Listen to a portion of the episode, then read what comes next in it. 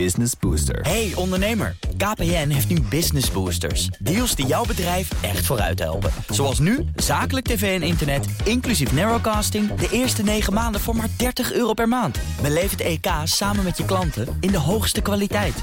Kijk op kpn.com slash businessbooster. Business Booster. Scherp. BNR Nieuwsradio. BNR breekt. Ivan Verrips. Goedemorgen en welkom bij BNR Breekt. Vanaf half twaalf praat ik over het nieuws van de dag... zoals over de uitgelekte klimaatplannen van de formerende partijen in Den Haag... en ook over klimaatplannen in Duitsland. Want daar zijn ze er al wel uit, een stukje sneller dan hier. Daar gaan we het allemaal zo meteen over hebben. In mijn panel vandaag Pieter Lossi, beleidsadviseur van de VO-raad. Goedemorgen, Pieter. Goedemorgen. En ook Lel Muns, hij is uh, oud-voorzitter van de LSVB... en was ook voorzitter ooit van Dwars, de GroenLinks-jongeren. Goedemorgen. Goedemorgen. We gaan beginnen met... BNR breekt. Nu de coronabesmettingen door het dak gaan en de huidige maatregelen geen effect lijken te hebben, ligt alles weer op tafel qua opties, hoorden we gisteren. Met mogelijk een vervroegde persconferentie ook. Opvallend is het aantal besmettingen op scholen en dus onder kinderen. Het hoogste aantal besmettingen ligt in de leeftijdsgroep 10 tot 14 jaar en hun ouders. Het OMT adviseert het kabinet om de scholen niet te sluiten, maar aan de andere kant, ja, we willen ook die stijgende besmettingen tegengaan. Wat moet er gebeuren? Scholen dicht, dan zijn er geen besmettingen, maar dan zijn er wel weer leerachterstanden en economische schade.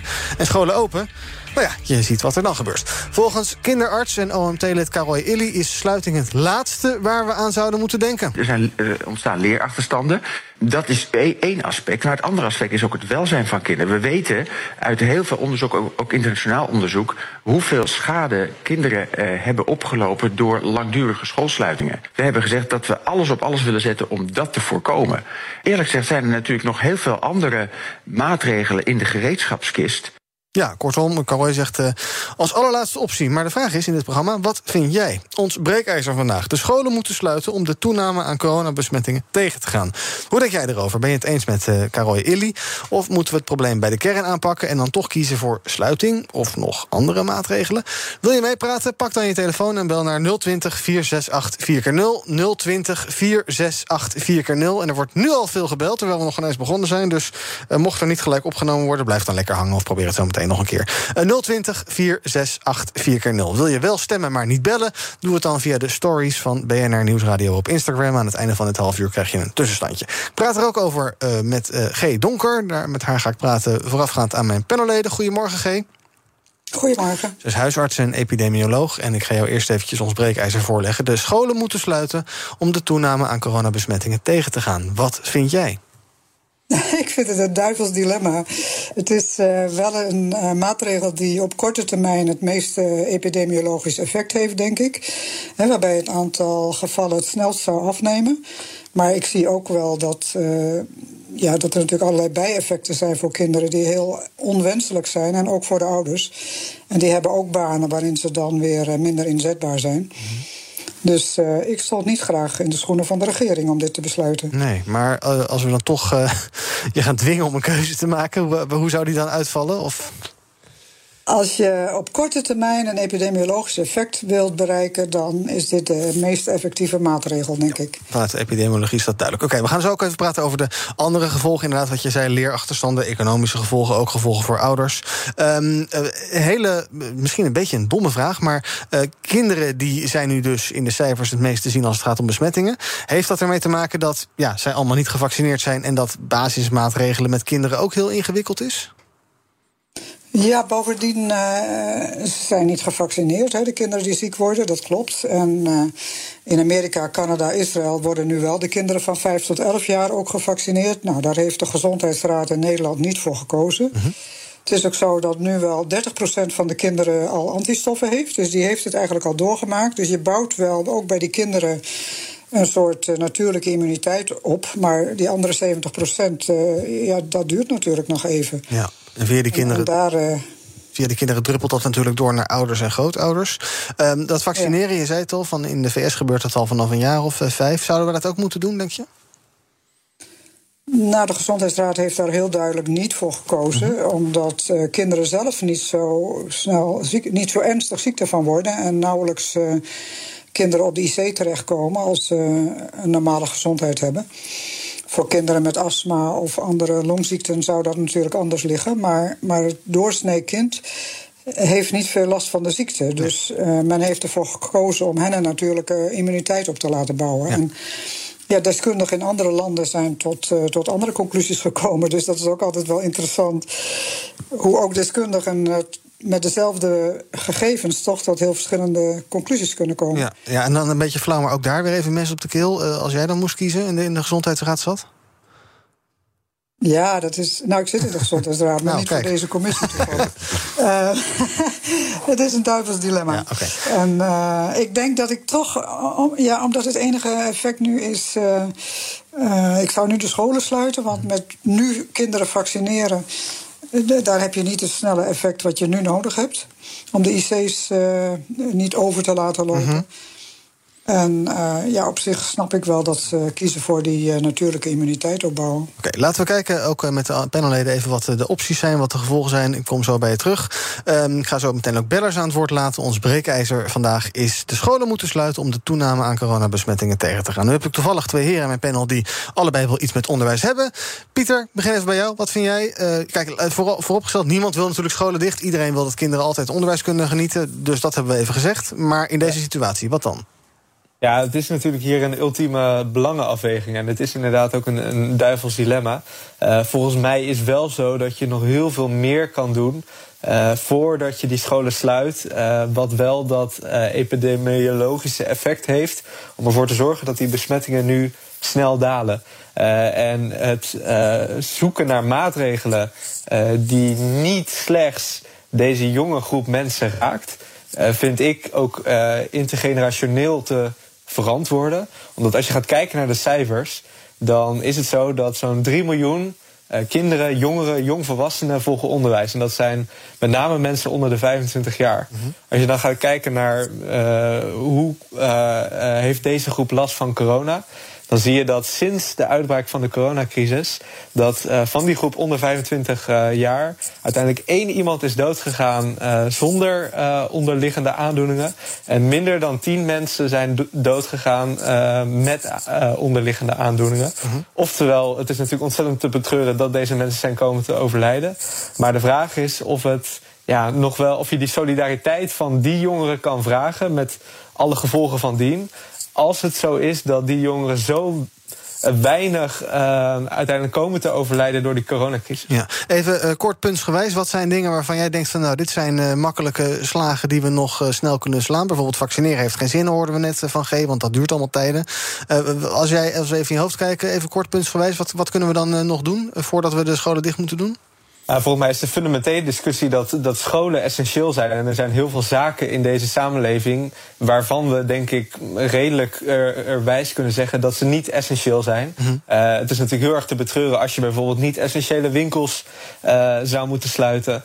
Eh, als je ervoor zou eh, moeten zorgen dat meer mensen op meer plekken mondkapjes gaan dragen. Als je iets gaat doen met eh, horeca, met, met eh, cafés. Eh, maar volgens mij zijn dat alsnog dan wel die maatregelen die eerder moeten komen voordat je op eh, scholensluiting overgaat. Lau, als jij zegt dat het een duivels dilemma is, ben je af. Dus dat mag je niet zeggen. Ja, nou voor mij is het ook geen duivels dilemma. Oh, fijn. Eh, ik, eh, nee, ik vind het eh, echt. eh, ik zou het echt heel slecht vinden als de scholen dicht gaan. Ehm, we weten allemaal wat de impact is op leerachterstanden, op het welzijn van jongeren. Nou, daar is het net al over gegaan. En ook in tegenstelling tot andere sectoren. Kijk, als je een commerciële sector eh, tijdelijk moet sluiten, kun je daar steunmaatregelen tegenover zetten. Maar ja, leerachterstanden, die heb je niet zomaar weggewerkt. Je kunt wel geld er tegenaan gooien. Dat gebeurt ook, maar ja, hoe Dat zinvol is dat? Hoe, hè, dat, daar, zijn heel veel vragen over. Want je moet eh, ook docenten weer gaan aannemen om bijles te geven bij ze spreken. Nou, die zijn er ook niet te veel. Dus dat zijn achterstanden die je niet zomaar kunt inwerken. Het heeft een enorme impact op het welzijn. Het heeft een impact ook op lange termijn op de economie. Want als er leerachterstanden zijn, nou, dan heb je daar ook gevolgen van.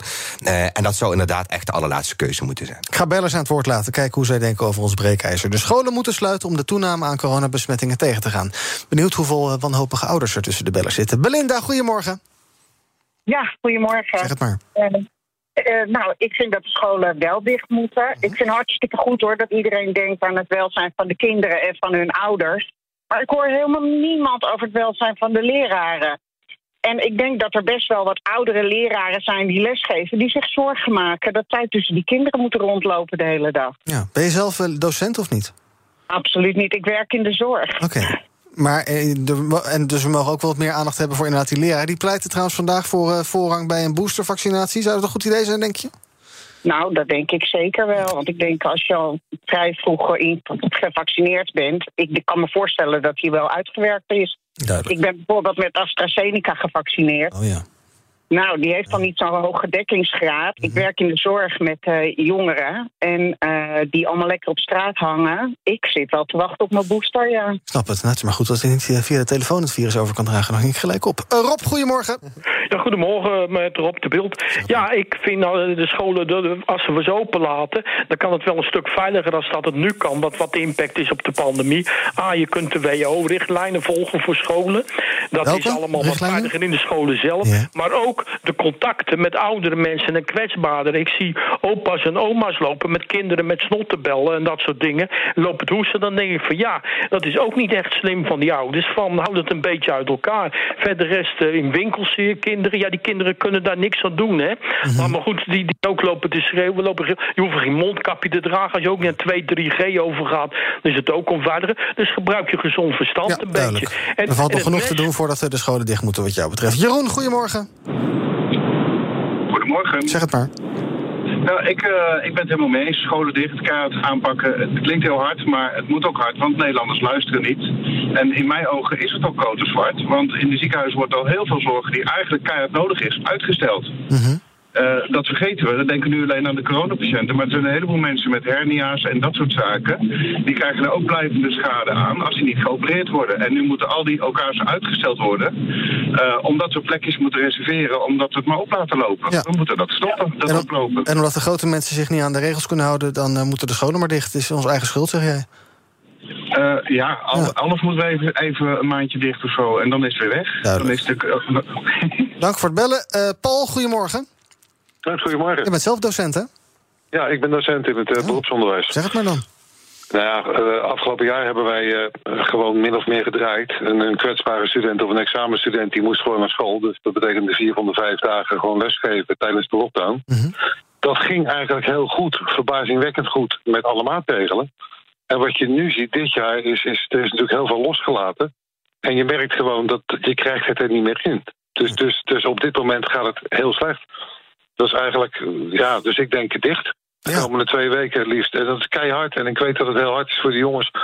En ik weet dat het heel hard is voor de ouders. Maar ik denk inderdaad dat de samenleving wel even een porretje nodig heeft van jongens, er moet nu echt iets gebeuren. Hoe staan je collega's erin? Is het, is het, is het Eh, gemengd? ja, het wisselt. Ja, het wisselt. Het wisselt heel sterk. En ik zeg al, als docent zeg ik van, joh, die jongens moeten gewoon naar school. Die kinderen moeten gewoon naar school. Dat hebben ze gewoon nodig. Ja. Maar ja, al- als mens en als, als, als ja, kwetsbare, ik ben bijna 60, heb ik wel zoiets van, ja jongens, ik moet ook aan mijn eigen gezondheid denken. En wat ik nu op mij zie gebeuren, dat mensen uitvallen omdat ze corona oplopen. En dat er alsnog klassen uitvallen. Ja, dan heb je toch een probleem. BNR breekt. Ivan Verrips. Eh, vandaag in mijn panel Lel Muns, eh, voormalig voorzitter van de LSVB... Pieter Lossie, beleidsadviseur van de VO-raad... en je hoort ook G. Donker, zij is huisarts en epidemioloog... en we praten over ons breekijzer. De scholen moeten sluiten om de toename aan coronabesmettingen tegen te gaan. Wil je reageren? Pak je telefoon en bel naar 020 468 4x0. Er zijn nog wat bellers die hangen, best wel veel eigenlijk. Die ga ik zo meteen nog aan het woord laten. 020 468 4x0. Reageren kan ook via de eh, stelling, via de peiling op ehm, eh, eh, Instagram. Daar heten wij BNR Nieuwsradio in onze stories. G, eh, sinds gisteren zijn er wat eh, extra maatregelen weer doorgevoerd op basisscholen. Eh, ouders mogen niet meer binnenkomen bij feestvieringen. Dus ik neem aan bij Sinterklaas en kerst en dergelijke zijn ze niet meer welkom. Leerlingen en leerkrachten die blijven weer thuis bij klachten. Is dat iets wat denk jij zo aan de dijk gaat zetten... of blijft dat toch een beetje dweilen met de kraan open? Ja, dat blijft een beetje dweilen met de kraan open met de huidige cijfers. Ja, en bijvoorbeeld een mondkapjesplicht, die, hebben, die is er al wel op de mbo-scholen, op de hogescholen, op de universiteiten, op de basisscholen nog niet. Nou, dat lijkt wel te kunnen, maar ja, ga je kinderen op basisschoolleeftijd met mondkapjes rond laten lopen? Is dat een idee? Ik probeer even te zoeken naar wat je nog kan doen, hè, voordat we de tent Ja, moeten ja, dichthouden. nee, heel goed. Ik denk, eh, ja, je moet denken in oplossingen en in mogelijkheden. Mhm. En dat is zeker een mogelijkheid. Eh, Ik ben net terug uit Amerika sinds een week. En eh, daar hebben kinderen vanaf drie jaar verplicht een mondkapje op buiten hun ouderlijk huis. Overal. Ja. In winkels, in, op scholen. Ik heb ook een, eh, een eh, onderwijzeres gesproken die zangles gaf, zelf met een mondkapje op. En de kinderen van vier, vijf jaar hadden ook een mondkapje op. Het kan allemaal. Ja. Kerstvakantie verlengen? Nou ja, dan ga je dus weer beknibbelen op het onderwijs, waar eh, mensen die in het onderwijs zitten, nou, die vinden misschien ook wel fijn om extra vakantie te hebben. Maar Mhm. het gaat natuurlijk wel ten koste van de kinderen dan uiteindelijk. Ehm, maar wel, ja, als je ze thuis houdt en in die en eh, wat, wat versta je onder kerstvakantie verlengen? Je kunt natuurlijk ook dan online weer gaan lesgeven. Ja. Pieter, eh, ik weet, eh, je bent van de VO-raad. Dit gaat natuurlijk vooral om eh, de PO, dus om de, het primair onderwijs. Althans, het gaat om het onderwijs in de brede zin. Maar de cijfers die zijn misschien wel het zorgelijkst bij het PO, bij het primair onderwijs. Ehm, je zou toch denken dat je ja, docenten kan inzetten om kinderen bijvoorbeeld beter voor te lichten over hoe belangrijk het is dat je die anderhalve meter houdt en dat soort zaken. Of is dat gewoon onrealistisch en kan je dat ook niet van kinderen verwachten dat die ja, netjes anderhalve meter afstand houden en dat soort dingen doen? Ja, dat, dat is denk ik vrij eh, onrealistisch. Mijn moeder die werkt zelf eh, op het eh, speciaal basisonderwijs. Eh, en die geeft ook aan, eh, ja, je kan je best doen. En natuurlijk, als er iemand hoest, dan ga ik even een meter naar achter staan. Maar echt om deze basisregels in te drammen bij deze kinderen, dat, dat lukt gewoon praktisch gezien niet. Eh, en de vraag is natuurlijk ook of je moet willen dat je deze kinderen in hun ontwikkelende fase bijleert. Jongens, dicht bij elkaar staan, dat is eigenlijk gevaarlijk. En ehm, nou, er heerst altijd gevaar op eh, ongezondheid. Eh, uiteindelijk moet je denk ook eh, als samenleving ervoor kiezen om deze kinderen er zoveel mogelijk van te ontzien. Eh, eh, van de gevolgen eh, die coronabestrijding met zich meebrengen. Ja. Um, Laal, jij zei net, ik ben er geen voorstander van, het sluiten van scholen. Uit het Een Vandaag Opiniepanel blijkt dat 64% van de basisschoolleraren zo'n schoolsluiting wel ziet zitten. Moet je dat meewegen, wat die leraren vinden? Er was net een, een iemand die belde, die werkte zelf in de zorg, maar die zei: Ik hoor eigenlijk nooit iets over het belang van de leraren. Nou, net een, leer, een docent, wat ouder of middelbare leeftijd, die zegt: Ik maak me best wel zorgen. Uh, is, dat, is dat een belang dat je moet meewegen? Ook bijvoorbeeld het belang van de ouders en dergelijke. Er zijn heel veel belangen die spelen hier. Zeker, je moet elk belang meewegen als je besluiten maakt. Um, ik denk dat het. Kijk, en het is niet zo dat het belang van de leerkracht dat dat geen rol heeft gespeeld in het publiek debat. Sterker nog, er waren juist heel veel leerkrachten die spraken zich uit. Ik maak me zorgen. En het is wel natuurlijk zo, kijk, je kunt je laten vaccineren. Binnenkort voor de echte hele oude leer, uh, leraren kun je ook een boosterprik uh, krijgen. Ja, dan vind ik wel dat zij eigenlijk de mogelijkheid hebben gehad om zich te beschermen tegen het virus. Dus voor hun directe gezondheid, als je hebt laten vaccineren, als je ook laten die boosterprik krijgen, als je extra kwetsbaar bent, ja, dan heb je je gezondheid in principe uh, met alle mogelijke middelen kunnen beschermen. Ja. kunnen beschermen. En dan vind ik ook dat daarnaast wel het belangrijk is... Ja, dat belang van het onderwijs hoog te blijven staan. Want elke leerkracht die, die zal zich misschien zorgen maken over zijn gezondheid... maar die zal ook kunnen erkennen dat het niet goed is voor de leerlingen... om, uh, om ze alleen thuis te zetten. En dat dat ook niet goed is voor de leerprocessen. Ja. Alright, we gaan nog wat bellers aan het woord laten. Want dit uh, raakt veel ouders, uiteraard. En dus ook veel bellers bij ons. Even kijken. Um, Jan, goedemorgen. Ja, goedemorgen Jan. Zeg het maar. Ja, ik vind uh, dat uh, de scholen open moeten blijven. Mm-hmm. Omdat uh, ik denk dat uh, we toch met z'n allen niet meer van COVID afkomen. Dit is toch iets wat, wat gaat blijven. Dan kun je net zo hard gaan vaccineren en testen als je wilt. Maar het is niet een ziekte waar wij zomaar nog van afkomen. Net als allerlei influenza, dus griepvarianten. Zal dat ook met ons blijven. En ik denk dat scholen juist een hele goede plek zijn om de kinderen juist een gedrag aan te leren. Dat zijn toekomstige generaties die afstand moeten gaan houden, die een beetje om elkaars gezondheid moeten gaan denken. Ik denk dat dat heel belangrijk is om dat al uh, vroeg uh, erin uh, te gooien. Ja. En dan even los van het feit dat je ouders niet iedere keer ook naar huis kan sturen. Want hoe vaak moeten we dat herhalen dan? Ja, nee, duidelijk. Dank. dank Jan. Azar, goedemorgen. En, oh. Hi, goedemorgen. Hallo. Ik spreek met Azar. Zeg het maar. Ah, ja, ik ben het niet mee eens met deze uh, besluit van de regering om de scholen weer opnieuw te gaan uh, sluiten. Mm -hmm. Ik heb het afgelopen jaar. Uh, uh, ik ben werkzaam in, uh, in Amsterdam voor de stichting De Weekendacademie. Ja. En wij zijn er ook juist voor leerlingen om eh, bepaalde achterstanden in te halen. En ik kan je echt zeggen, die achterstanden die, die zijn gemaakt in het afgelopen jaar door de keuzes van de overheid om de scholen te sluiten, die zijn schrikbarend voor deze kinderen. Ja, de gevolgen daarvan achter... dus. Ja. ja, ze hebben achterstanden opgelopen, echt, die kan je eigenlijk niet meer inhalen. En nu met een, een tweede, uh, of ik, weet, ik ben eigenlijk de tel helemaal kwijt, ja. hoeveel sluiting dit gaat worden. Maar dit is echt heel erg voor de kinderen. Maar laat staan voor de kinderen. Wat dacht je van ouders? Van ja. alle externe partijen die in die scholen kwamen en al die tijd hun extra best hebben gedaan om die kinderen wel wat bij te leren. En geprobeerd uh, om, om die achterstanden enigszins in te halen. Niet doen dus. Dus eigenlijk is dit nu weer een klap in het gezicht van de kinderen, van de ouders en eigenlijk ook wel voor die leraren. Want deze achterstanden en tekorten zijn niet meer in te halen. Duidelijk, dank voor het bellen, Azar. Overigens, mocht je dit nu horen en denken... huh, een besluit van de regering, er is nog geen besluit, hoor. Dat was een oproep van Diederik Gommers. Het OMT wil het ook niet, wil het onderwijs ook zo lang mogelijk open houden. Maar er zijn dus oproepen, waaronder Gommers, die zeggen... ja, dat is misschien toch niet zo verstandig. Um, Henk Jan, goedemorgen. Mag ik nog wat zeggen? Ja, oh, G, G, kom erin, vertel. nou ja, ik hoor niemand over het feit dat, uh, dat kinderen heel snel wennen aan mondkapjes dragen. En dat mm -hmm. in Amerika dat vanaf drie jaar al verplicht is. Twee turven hoog en je hebt een mondkapje op. Ja. En, en dat kinderen dat heel normaal gaan vinden. Dat dat ook op scholen kan. En er is een uh, publicatie in de BMJ geweest. waarin allerlei studies met mondkapjes zijn vergeleken. En dat is natuurlijk best. Uh, daar is wel wat op af te dingen. Mm -hmm. Maar het blijkt toch dat dat behoorlijk effect heeft. Ja. Nou, even rondje panel. Uh, goed idee, Laal. Mond, als dat helpt, mondkapjes ook, uh, de, ook de ja, jongsten zeker. gewoon doen dan maar? Nee, zeker. Ik denk dat, kijk, dat, dat soort dingen, dat is hartstikke prima... als je dat onderwijs maar mm -hmm. open kunt houden. Dus dat, het onderwijs ophouden is prioriteit. En als je dan extra maatregelen kunt nemen om veiliger te maken... nou, uh, hartstikke welkom. Henk-Jan, goedemorgen. Nu echt. Ja, goedemorgen. Zeg het maar. Uh, om het maar eens uh, scherp te stellen. Uh, we gaan toch geen kinderen inzetten in een, in een oorlog... Uh, dit is iets wat, wat bij voor volwassenen uh, risico is. Maar voor kinderen die lopen vrijwel geen risico. Mm -hmm. En dan gaan we ze uh, of vaccineren of, of inderdaad de scholen sluiten. Dat zij een, een, een nadelig gevolg hebben van, van dit hele verhaal. Terwijl ze er eigenlijk part nog deel aan hebben. Ja, niet doen dus. Niet doen. Duidelijk, dank. Uh, dank voor het bellen. Uh, dank allemaal voor het bellen. Um, ja, het is een. Uh, nou ja, G, je hebt toch wel gelijk hoor. Het is een duivelsdilemma. Jij mag het ook zeggen, Laal. Het is gewoon een duivelsdilemma. de bellers in, in, in meerderheid, net iets meerderheid, geloof ik, oneens. We gaan nog even kijken zometeen wat er bij de stellingen wordt gezegd op BNR Nieuwsradio. De stories daarvan. Hoe onze luisteraars daar reageren en mensen die daar stemmen. Dan moet ik even door al die stories heen klikken. Ik zie heel veel Geert-Jan Haan, die is op reis. Ja, oké. Okay, nou, okay. 67% is het oneens. Die zegt dus open houden de scholen. Dank G. Donker, epidemioloog en huisarts. Zometeen ga ik verder praten met mijn panelleden over het nieuws van de dag. Over het gestrande huwelijk van de PvdA en GroenLinks. Die zouden toch innig gaan samenwerken? Nou, komende gemeenteraadsverkiezingen lijkt daar in ieder geval smerig weinig van terechtgekomen. En we bespreken... Piet, Piet, Zwarte Piet. Hilversum, geef ons zendtijd. Of je of ons binnen. We willen beginnen. We staan ons recht. We zijn voor het werk in een vlieg gelegd.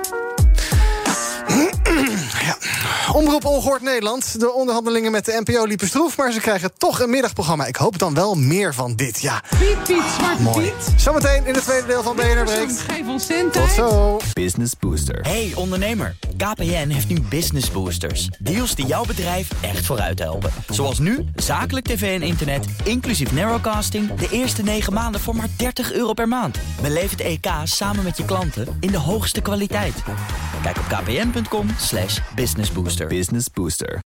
Blijf scherp. BNR Nieuwsradio. BNR breekt. Ivan Verrips. Welkom terug. In mijn panel vandaag Pieter Lossi, beleidsadviseur bij de VO-raad... en Lau Muns, voormalig voorzitter van de LSVB. We gaan praten over het uh, nieuws van de dag en we beginnen daartoe in Den Haag. Want de formerende partijen die zouden het eens zijn geworden... over een miljardenfonds om het klimaatprobleem aan te pakken... en ze zouden zo'nzelfde fonds overwegen voor het stikstofprobleem... schrijft NRC vandaag. Uh, er zou uh, eenmalig geld worden geleend, tegen natuurlijk lage... liefst nog negatieve rente, wat dan in 10 jaar uitgegeven kan worden... en het zou gaan om een bedrag tot wel zo'n 50 miljard euro. Nou, um, dit lijkt me nieuws dat uh, bij uh, links georiënteerde mensen goed zal vallen. Of mensen die om het klimaat geven goed zal vallen. Dat zijn niet per se alleen linkse mensen trouwens. Misschien vroeger wat meer dan uh, nu, maar dat is nu een stuk breder. Um, 50 miljard, Pieter, wat gaan we daarmee doen? Ja, daar kun je behoorlijk veel mee doen. Uh, volgens mij zijn dat allemaal uh, gelden die je op een uh, positieve manier kan inzetten om mensen te stimuleren. dus wat dat betreft ben ik toch positief verrast dat na negen maanden praten er nou, iets nuttigs is uitgekomen. Wat wel enigszins uh, problematisch is, is dat uh, het wel geld is uh, dat geleend gaat worden. Dus de staatsschuld gaat verder omhoog. Mm -hmm. terwijl bijvoorbeeld de Raad van State eerder heeft gezegd: ja, je moet wel oppassen dat het niet het nieuwe normaal wordt, dat je maar eh, heel veel blijft lenen. Want je kan uiteindelijk wel ervoor zorgen dat die ecologische schuld eh, beperkt wordt. En dat is heel goed en daar moeten we alles aan doen. Maar als je er dan vervolgens voor zorgt dat die economische schuld eh, nog heel veel tientallen miljarden oploopt, eh, dan heb je daar weer een probleem. Ja, lekker Pieter. Dan eh, kunnen we het klimaat fixen en dan moeten we geld lenen is weer niet goed. Wat wil je nou? Nou, het- gaat met name om keuzes maken en, en eh, prioriteiten. En zorgen ook dat bestaande gelden, dus die je niet extra hoeft te lenen, maar bestaande gelden in bijvoorbeeld de vorm van subsidies voor bedrijven, voor landbouwondernemingen, dat die meer een groen karakter gaan krijgen. Laal 50 miljard lenen om het klimaat te redden, goed idee? Eh, Ik denk dat het eh, nodig is als het maar eh, ge- gestoken wordt in investeringen. En als het ook een aantal andere dingen niet wegneemt. Dus je zult nog altijd moeten kijken naar bijvoorbeeld een CO2-belasting. hè, Om, om die manier ook incentives te geven en ook inkomsten te vergaren. om dit soort plannen te betalen. Maar ik denk dat het heel erg nodig is. Ehm, en ik hoop dat we zonnepanelen gaan leggen op alle dakken. En ik hoop dat we nieuwe spoorlijnen gaan aanleggen. En dat er hoogsnelheidstreinen gaan rijden. Dus allemaal mooie plannen kunnen hiermee gefinancierd worden. Ja. Ehm, zou je dit, Pieter, denk je, een, nou, kunnen zeggen dat eindelijk het belang van het aanpakken van eh, het klimaatprobleem is geland bij partijen als eh, VVD en CDA, die daar voorheen toch wat minder urgentie voor hadden?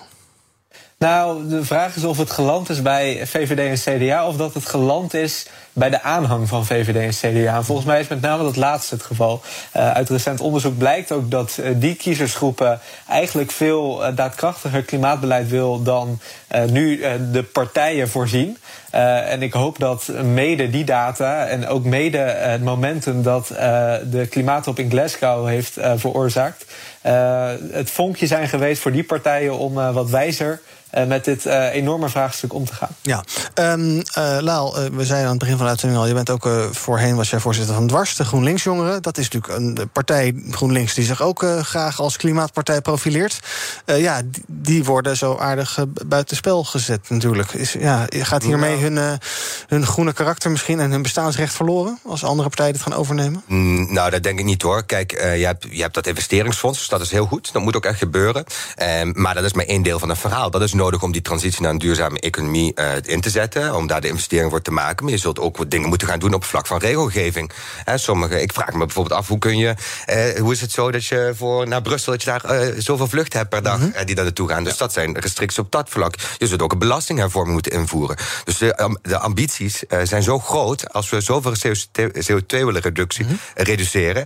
En, dan heb je echt een hele lange weg te gaan. Dan kom je niet alleen met investeringen, zul je ook aan regelgeving wat moeten doen. En ook aan wat moeten doen. Ja, maar dat is geen antwoord op mijn vraag. Denk je dat GroenLinks nog bestaansrecht heeft hier nou? Nou, dat hangt dus, ja, sowieso, dat denk ik. Maar uh, uh, je zult dus moeten kijken naar het hele regeerakkoord... en of die andere dingen er ook in zitten. Nou, en als dat niet zo is, dan kun je daar prima als GroenLinks oppositie op ja, voeren. Maar die zullen nooit tegen dit plan gaan stemmen, toch? Als er heel veel, als er heel veel miljarden zijn, ook al is het, komt het niet uit hun koker... nou ja, dan... Uh, nee, dat, zullen... dat, dat, zou ik ook niet goed vinden. Dus, nee. hangt, nogmaals, hangt ervan af, mm -hmm. hoe wordt dat besteed? Waar, als, er bijvoorbeeld, als dat fonds gebruikt wordt om nucleaire energie te gaan financieren... ja, dan zal GroenLinks er niet heel gelukkig mee zijn. Oh, um, is wel schoon. Daar, uh, ja, dat, dat, dat is een hele discussie ook binnen de Europese Unie. Is dat dan nou weer schoon of niet? Ja.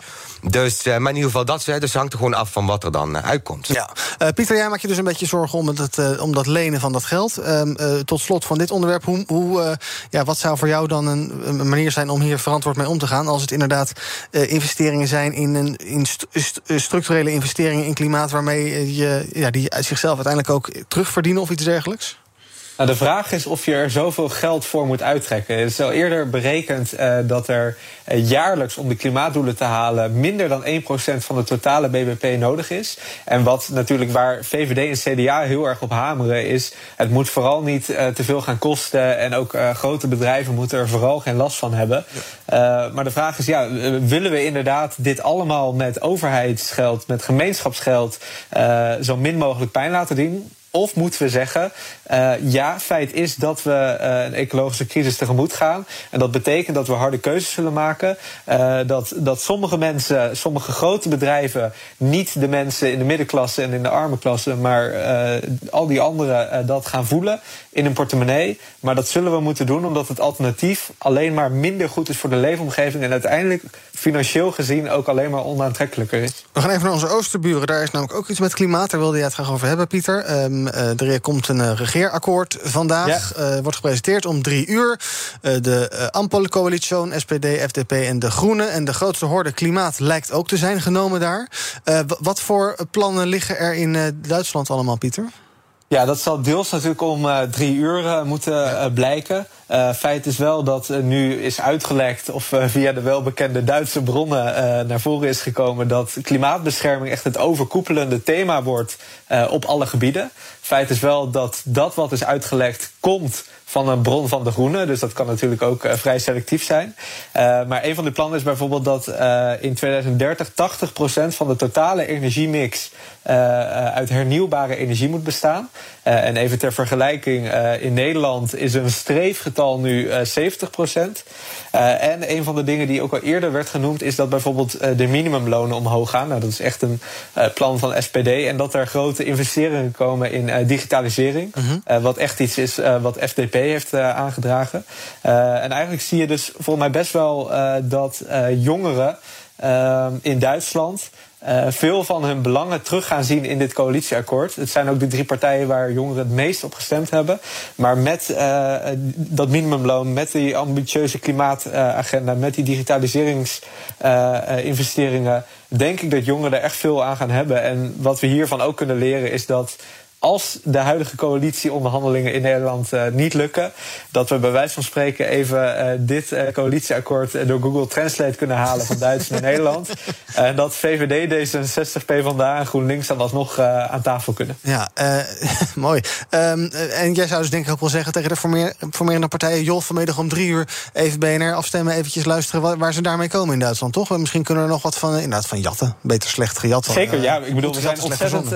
We, we zijn ontzettend verbonden met elkaar. Eh, dus het zou heel raar zijn als wij allemaal andere ambities eh, gaan stellen. Mhm. Eh, zeker omdat op het gebied van klimaat eh, nou, Rutte vaak genoeg zegt: Ja, wij zijn Nederland, we zijn een klein landje. Laten we vooral kijken wat andere landen doen en hoe zij verder gaan. Nou, hier heb je een groot land die verantwoordelijkheid neemt, die leiderschap toont. Ik zou zeggen, spring op diezelfde boot en.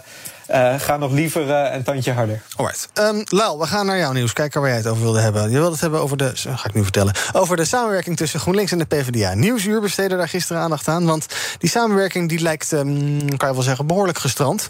In de grote gemeentes komen er geen gemeenschappelijke lijsten en ook uh, geen gemeenschappelijke posters en campagnes. En ook zijn er geen afspraken om samen collegeonderhandelingen in te gaan. Ja, de liefdesbaby is uh, voortijdig overleden, Lau. Nou ja, de liefdesbaby, dat was misschien iets van de landelijke fracties... Mm -hmm. uh, die uh, heel intensief samenwerkten tijdens deze formatie. Je ziet ook dat dat binnen de partij en in verschillende gemeentes, provincies... zo nog niet helemaal doorgecijpeld is. En ik denk ook dat er eigenlijk een verkeerde aanpak is geweest hiervan. Want juist zoiets als een intensieve samenwerking... moet je van bottom-up doen, zou ik maar -hmm. zeggen. Dus je moet dat heel uh, nauwkeurig voorbereiden. En wat we nu hebben gezien bij de landelijke verkiezingen... is dat nou ja, een paar weken voor de verkiezingen komt... Uh, Jesse bij wijze van spreken met een ja. poster... meer uh, Lilianne, meer Kaag, meer allerlei andere linkse Mm -hmm. leiders. Uh, en dan moet dan binnen een paar weken moet dan zo'n samenwerking uh, voor elkaar komen. Dus waar ik eigenlijk voorstander voor zou, zou zijn, sowieso, sowieso op gemeenteniveau, maar ook landelijk, is dat partijen lang voor de verkiezingen mm -hmm. met elkaar gaan samenzitten. Wat zijn nou echt de punten die we samen overeenkomst hebben? Daar een stembusakkoord op schrijven. En dan ook al op die manier op voorhand heel duidelijk en heel formeel ja, ja. met een gemeenschappelijk programma duidelijk maken dat ze gaan samenwerken en dat ze elkaar vasthouden. Dus minder, minder met stoom en kokend water, minder geforceerd, minder van nou, nu gaan we ja. doen en we zien later wel, maar gewoon inhoudelijker en, en wat beter voorbereid. Ook op voorhand, dat het ook voor de kiezer uh -huh. duidelijk is wat, dan, wat die samenwerking dan betekent. Eigenlijk ook het stem, gewoon een gemeenschappelijk akkoord schrijven. En ik vind ook, dat kun je niet alleen met de PvdA en GroenLinks doen, dan moet je eigenlijk ook of D66 of SP, idealiter het beide, maar dan moeten die allebei een beetje over een grap, over hun eigen ja, zorgen en uh -huh. uh, weer van elkaar stappen, ja. één schaduw heen stappen. Um, uh, maar ik denk, als je dat zou doen met drie of vier partijen, en met, uh, op basis van de inhoud, dan kun je een hele sterke vuist. Oké, okay, laten we hier zo nog even over doorpraten. Ik ga dit even op me laten inwerken. BNR breekt. En terwijl ik dat doe, vertelt Thomas van Zel wat hij zo meteen om 12 uur in zaken doen gaat doen. Kan je dan nog wel naar me luisteren? Of kan je het er niet bij hebben? Nee, vertel jij nou maar Oké, ik vertel het eerst even. dadelijk over vragen. Ik praat meteen met eh, Bart-Jan Oplaat. Hij is de voorzitter van de vakbond van de pluimveehouders in Nederland. We worden geconfronteerd met vogelgriep. Heerst behoorlijk en dat heeft consequenties voor bedrijven... die eh, te maken krijgen met een ophokplicht... of eh, zelfs al hun kippen moeten doden. En daarbij komt ook nog de opgave om te werken aan stikstofreductie... fijnstofreductie, dus kortom uitdagingen genoeg... voor deze nog relatief nieuwe voorzitter van de nieuwe vakbond. Ik praat zo meteen ook met Kitty Koelemeijer, retail-expert... weet alles over de verkoop van de bakkerij van de HEMA. Die stond al een tijdje in de etalage en het is gelukt. Wat zijn de consequenties voor ons, Tom Poes-liefhebbers? Bijvoorbeeld. Het eh, lobbypanel is er over alle aangekondigde coronamaatregelen... en de lobby die ook alweer op volle toeren draait. Kortom, volle bak zometeen in BNR Zaken. Toch wel geluisterd. Bij elke honderd... Tom Poes, ja? Tom- ja, Tom Poes, vogelgriep, stikstof. HEMA. Bij elke honderdste aflevering van BNR Breekt heb ik Tom Poesen. Heb je er al een keer eentje op? En hoeveel honderd hebben we Ja, we nu zitten nu 230 of zo, of 235. Oeh, nou, over drie maanden zorg ik dat ik geen dag vrij ben. dat was vanzelf. BNR Oh, nou, toch niet kunnen nadenken over de PvdA en GroenLinks. Shit, nou vertel jij er dan maar even wat over, Pieter. Nou, in Woerden, ehm, en dat is mijn gemeente, ehm, daar werken de PvdA en GroenLinks al eh, eh, hele lange tijd, al jaren samen, eh, onder de noemer eh, Progressief Woerden. Eh, en ik moet zeggen dat het eh, hier eh, vrij aardig lukt. Eh, dat ze ook echt een eh, progressief front zijn eh, in de gemeenteraad. Eh, maar wat je hier wel echt zag, is dat het intrinsiek gemotiveerd was. Dat het vanuit eh, de mensen in de gemeente zelf kwam om die eh, nou, samenvoeging, die fusie, door te zetten. En inderdaad, het idee dat een landelijke fractie dit even kan doordrukken.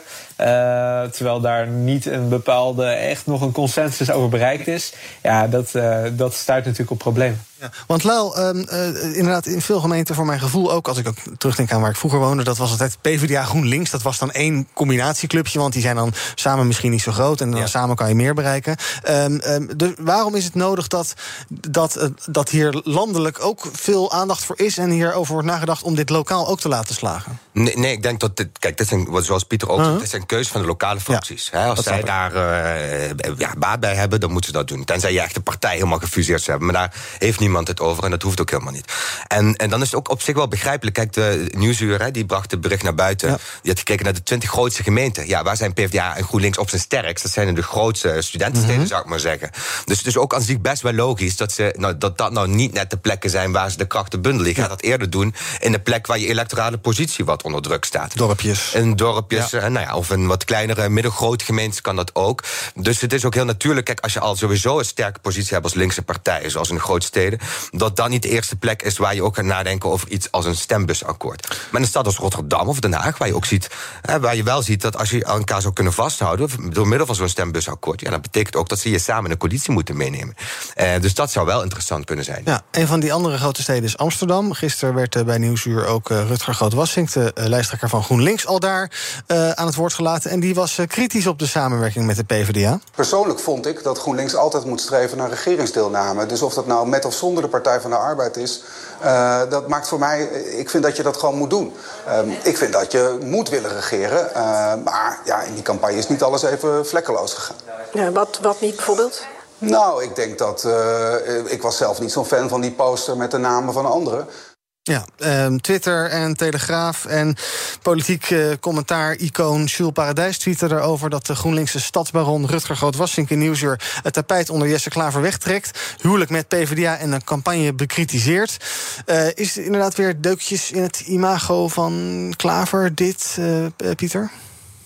Ja, dat weet ik niet. Ehm, kijk, eh, GroenLinks zit nu echt in een spagaat. Eh feit is, of eh, ze laten los aan PvdA en gaan meeregeren... maar ja, dan komen ze natuurlijk ongeloofwaardig over. Eh, of ze blijven inderdaad stellig. Maar uit heel veel kiezersonderzoek blijkt dat heel veel mensen... bijvoorbeeld in 2017 op GroenLinks hebben gestemd... omdat ze verwacht hadden dat dat de meest groene coalitiepartij kon worden. En op het moment dat GroenLinks niet degene gaat zijn die in zo'n coalitie stapt, ja, dan gaat D66 zich steeds meer profiteren als degene die groen is en verantwoordelijkheid neemt. Eh, Eh, dus eh, eigenlijk wat GroenLinks ook doet en welke keuze Klaver ook maakt, het kan eigenlijk alleen maar fout gaan. Uh, dus ik hoop voor, uh, voor Klaver en GroenLinks zelf uh, dat ze met zo min mogelijk schade daardoor heen komen. Ja, Lau, wat vind jij van de uitspraak wat, wat Jules Paradijs analyseert over de GroenLinkse stadsbaron Rutger Grootwassink? Oh nee, kijk, ik denk dat dat dingen zijn. ja, dat zijn wel discussies. Die zijn er in de partij, die heeft elke partij, maar daar komt iedereen wel overheen. Mm -hmm. Maar waar we ons ogen moeten richten, kijk, GroenLinks is nu in de oppositie, dus denk ik, hè, waarschijnlijk komt een regeerakkoord, neem ik aan. Deze partijen gaan met elkaar regeren.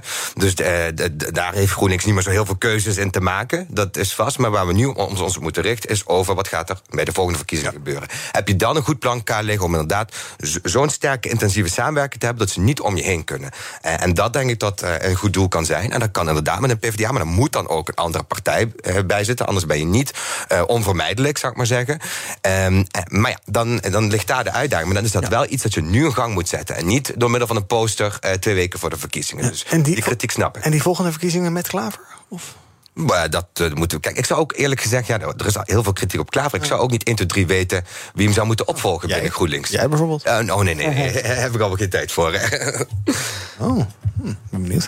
Wordt misschien toch al wat. Um, laten we even kijken wat de trend is op de socials. Ja, dat is wel het beste. Een mooi gebaar in hashtag Rotterdam. De Erasmusbrug en de Hofpleinfontein kleurden gisteravond rood en blauw... als eerbetoon aan de hulpverleners en hun inzet bij de rellen van de afgelopen dagen. Ook hashtag Tribunaal is weer eens trending... naar aanleiding van de duidelijke mening over de Tweede Wereldoorlogverwijzingen um, van de voorzitter. Althans, die mening over die Tweede Wereldoorlogverwijzingen van FVD... die kwam van de voorzitter van de Eerste Kamer, Jan-Anthony Bruin. Die zei dit. En dan moeten beschuldigingen van oorlogsmisdaden of referentie daarnaar... net als aankondigingen van tribunalen gezien worden als een belofte van een slotafrekening. En iedere stap in die richting zal ik, zolang ik hier voorzitter ben, niet tolereren. Nee, daar zit hij niet op te wachten dus. En ook trending is hashtag code zwart. Uh, bovenaan op nummer 1.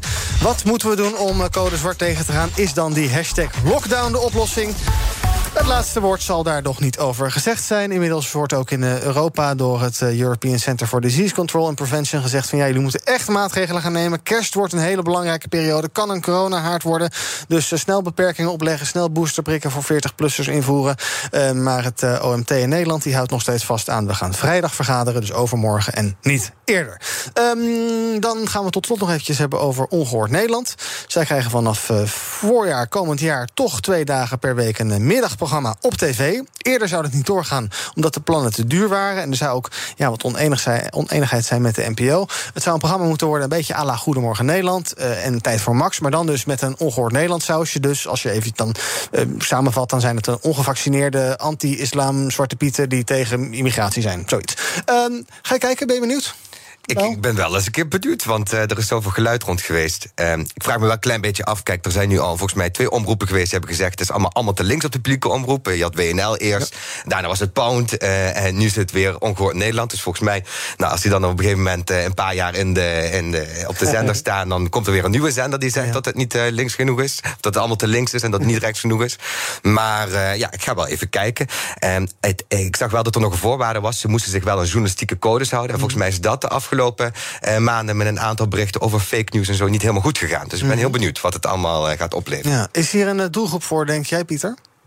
Ja, tuurlijk. Uh, want dit is een resultaat van democratische procedures die we hebben ingericht. En ze hebben voldoende leden bereikt om uh, nou, dit te mogen uitzenden. En het is verre van mijn smaak. Ik denk dat uh, heel veel mensen dit niet echt zien zitten. maar ja, ik bedoel, als we het er niet mee eens zijn, dan moeten we die democratische procedures aanpassen. En gezien die democratische procedures zijn zoals ze zijn, moeten we ook gewoon accepteren dat die omroep van iedereen is. Ja, nou ja, bijvoorbeeld Arnold Karskens, de, de, de, de, topman van de oproep, omroep, zeg maar eventjes, die vindt dat er dat ze bijvoorbeeld voor ongevaccineerde mensen op willen komen. Want daar zou veel te, veel te weinig aandacht voor zijn. En er is veel te veel ja, mainstream media die lullen allemaal maar mee met de regering over je moet prikken halen enzovoorts enzovoorts. Ehm, zit, daar, zit daar wat in? Inderdaad, is, is wat, jij, wat jou betreft, Lau, wat je op tv ziet, is dat te veel mainstream en te weinig kritisch? Mm, nou, ik zie veel discussies op televisie. Dus ik denk dat dat aan zich kan. Kijk, uh, je, het is prima om ongevaccineerden het woord te laten. Misschien is dat zelfs wel goed hè, om die discussie wat meer te krijgen. Ook uh, openbaar op de televisie. Het is natuurlijk wel belangrijk dat er geen nepnieuws verspreid wordt. Mm -hmm. hè, en dat er geen leugens over het vaccin verspreid wordt. Dus zolang zij dat evenwicht kunnen bewaren. Nou, lijkt me een ingewikkelde opgave, maar dan moet je dat doen. Um, uh, maar ik denk dat dat dus het moeilijke is eraan. Ja, um, en stel nou, Pieter, dat ja, Karskens toch doorgaat met tekst teksten als eh, eh, NOS is eh, fake nieuws en dat soort dingen. Ehm, ja, dan, dan houdt het natuurlijk misschien wel een keertje op. Dat ze, zullen zich wel, ze zich wel moeten aanpassen ten opzichte van wat ze de afgelopen maanden hebben laten zien. Dat klopt. Eh, en ik eh, weet vrij zeker dat er een heel team eh, rondom minister Slop staat... die daar goed op gaat letten en die gaat ingrijpen op het moment dat dat plaatsvindt. Dus daar maak ik me niet zoveel zorgen om.